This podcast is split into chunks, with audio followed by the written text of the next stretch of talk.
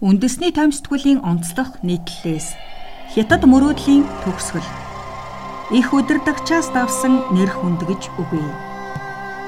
Хуанжугийн дүрээр үзэгчд сайн мэдэх жүжигчин Жаовэ энэ намар хятадын интернет ертөнцөөс бүрэн арчигдлаа. Арчигдсан гэсний учир нь түүний тухай мэдээлэл, зургууд, тэрч бүхэл тоглосон киноных нь нэрэгч хятадын интернет орчноос дахиад харах боломжгүй. Улсынхаа удирдагчаас нэр хүндээр давдаг урлаг соёлын алдартнууд тэр бомтнуудын эсрэг явуулж байгаа хятадын коммунист намын хилмигдүүлэлтийн ээлжид хохирогч нь дэггүй гиг болсон уу? Эсвэл татвараас зогцсон хэрэгээр Бээжингийн хоригт өртвүү гэдэг асуулт 8 дугаар сараас хойш барууны хэвлүүдээр хөвөрч байна. 1990-ад оны үед Азийн орнуудыг байлдан дагуулсан Хуанжу гиг буюу Совдон гүнж цувралын ачаар Жаовэ асар богино хугацаанд алдаршиж 2001 онд найруулагч Стивен Чоугийн Шаолоны хөл бөмбөг киногоор барууны кино ертөнцид хөл тавьжээ. Хятадын хамгийн алдартай жүжигчин болсон Жаовэ удалгүй найруулагч, загвар өмсөгч, поп дуучны замлаан эхлүүлж хувийн entertainment компани байгуулсан нь өдгөө жилдээ хэдэн 10 сая долларын орлоготой Longway культуринд медиа компани юм. Хожим хөрөнгө оруулагч Хуан Юнтэг ирснээр бизнесийн ертөнцид томоохон тоглогч болж нөхөртөөгөө кино технологийн салбарт хөрөнгө оруулалт хийж бүр өвөр Монголд нүүрсний урхаа эзэмшдэг болсон гэдэг. 2014 онд Жао нөхрийн хамт Alibaba Pictures-ийн анхны хувьцааг худалдан авч хэдэн 10 сая ам долларын ашиг олсон нь өнөө цагт Жак Магийн эсрэг хятадын эрх баригчдын явуулж байгаа компанид ажлын нэг хэсэг болж гадуур хагтах шалтгаан үүсэн байх талтай. Гэхдээ Совдон гүнжийн бүтлгүүтэл 2016 оноос эхэллээ.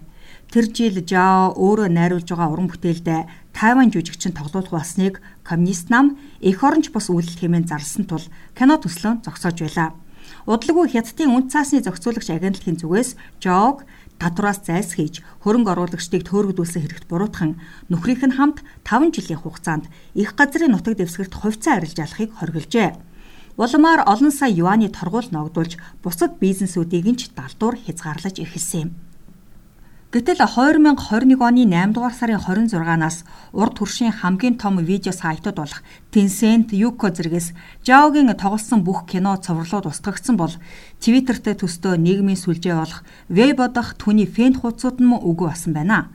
Коммунист намын хяналтанд байдаг Global Times сэтгүүл энэ явдлыг Zhao олон жилийн турш янз бүрийн зохисгүй үйл гаргасан гэж тайлбарллаа.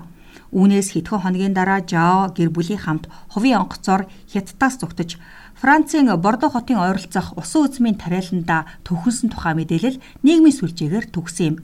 Харин Жаовэ улсаасаа дөрвсөн гэх яриаг Ницан эцэгхийн хамт Бээжин хотод байгаа зураг бичлэгээ Instagram хуудсандаа оруулсан ч төд удалгүй устгаж орхижээ. Ингэж Жаовэ хэмээх хятадын хамгийн амжилттай жүжигчин Орос сургуугүй алга болсон юм. Совд гүнж цувралын өөр нэг жүжигчин тухайн цагтаа төдийлөн танигдаагүйч хожим Жавэгээс илүү Холливуудын ертөнцид алдаршсан Фан Бимбийн 2019 онд яг л ийм маягаар элсэн чингэж байлаа. X-Men киноны од мөн л татвараас зогцсон хэрэгт холбогдож 3 сарын турш ор мөргөө байсны эцэст олонний өмнө гарч ирж уучлалт гуйсан. Түүнийг 70 сая ам долларын татвар төлж эрх баригчдтай тохиролцоонд хүрсэн гэж үздэгч фан жүжигчний зам нь үндсэндээ төгсгөл болж нам гүмхэн амьдрах болсон юм а.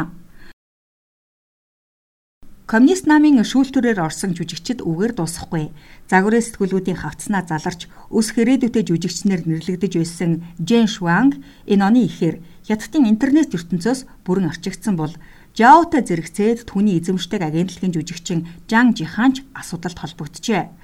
Жихан 7 дугаар сард Токиод найзынхаа хоримд оролцох үеэр Дуулиант Ясукуны сүмд залбирч байгаа зураг цахим орчинд хуваалцсан нь үндэсний хэмжээнд шуугаан тарсан юм.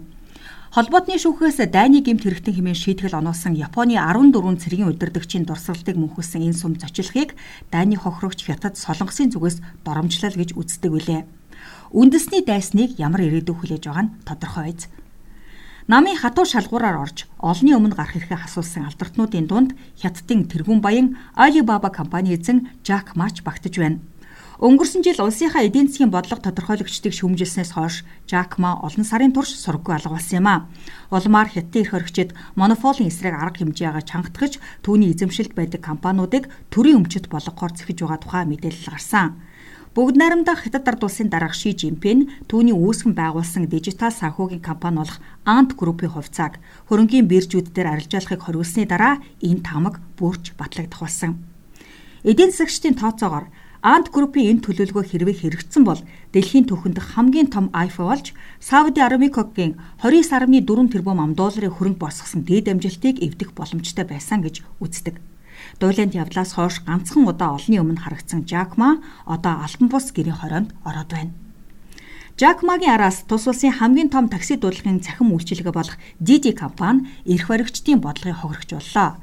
Нью-Йоркийн хөрөнгийн бирж дээр 4.4 тэрбум долларын IPO хийснээс хойш хэдхэн хоногийн дараа тус компанид хятадын кибер орон зайн зохицуулагчийн шалгалт орж хэрэглэгчийн хувийн мэдээллийг цуглуулах ашиглагтан хууль тогтоомж дөрвөн журмыг ноцтой зөрчсөн хэмээн дүгнэж үндэсний хэмжээнд хамгийн өргөн хэрэглэгддэг DD Jishung программыг устгахыг шаардсан байна.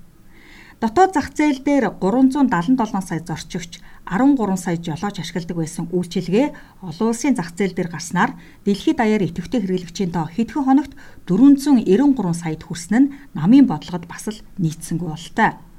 Улс төрчид бус урлаг соёлын алдартнуудын тухай мэдээлэл илүүтэй төгдөг хятадын захим орчныг бодлогоор хянах журам 2021 оны 8 дугаар сараас хэрэгжиж эхэлсэн.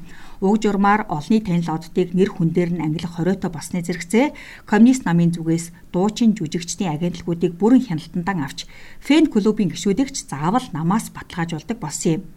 Хятадын эрх баригчид энэ журмаа илүү аюулгүй цахим орчин бүрдүүлэхийн төлөө гэж тайлбарлаж байгаач алдар суугаар удирдагчаас давж гарсан хүн бүрийг цаасан дээр мөргөө болох бодлогын нэг хэсэг гэдэг нь хүндж ойлгомжтой. Америк нэгдсэн улсыг нэгэн цагт дэлхийн нийт харж боломжоор дүүрэн газар гэж дүгнэж амар хэлбэр аргаар өтөр түргэн баяжиж алдартай болохыг Америк мөрөөдөл хэмээн нэрлэж байсан түүхтэй. Энэ мөрөөдлийг биелүүлэхсэд ховорч гисэн байсан гэдг нь тодорхой. Тэгвэл коммунист дэглэмтэй улсад тэр бомбон болтлон баяжиж удирдагчаас илүү нэр хүндтэй болно гэдэг бол яах аргагүй хятад мөрөөдөл мөн. Энэ мөрөөдлийг биелүүлсэн өгүүдэл тун төхүүлсэн хүмүүс Жак Ма Жавэгээс эхлээд байлаа. Харамсалтай нь үүнээс хойш түүнээс цааш хэн нэгэн хүн хятад мөрөөдлөө биелүүлэхэд тунч хэцүү болжээ. Дөрвөн жилийн өмнө улсынхаа иргэдийг хэмжээшгүй баян болгоно гэж мэдэгдэж байсан Ши Жинпин энэ жил ардын хуралд илтгэлтэй байхдаа хит их хөрөнгийн хэмжээг зохистой төвшөнд хүргэнэ хэмээснээс харвал хятадын иргэд хөрөнгө чинээгээрээч их удирдахчаас давах эрхгүй болж байна.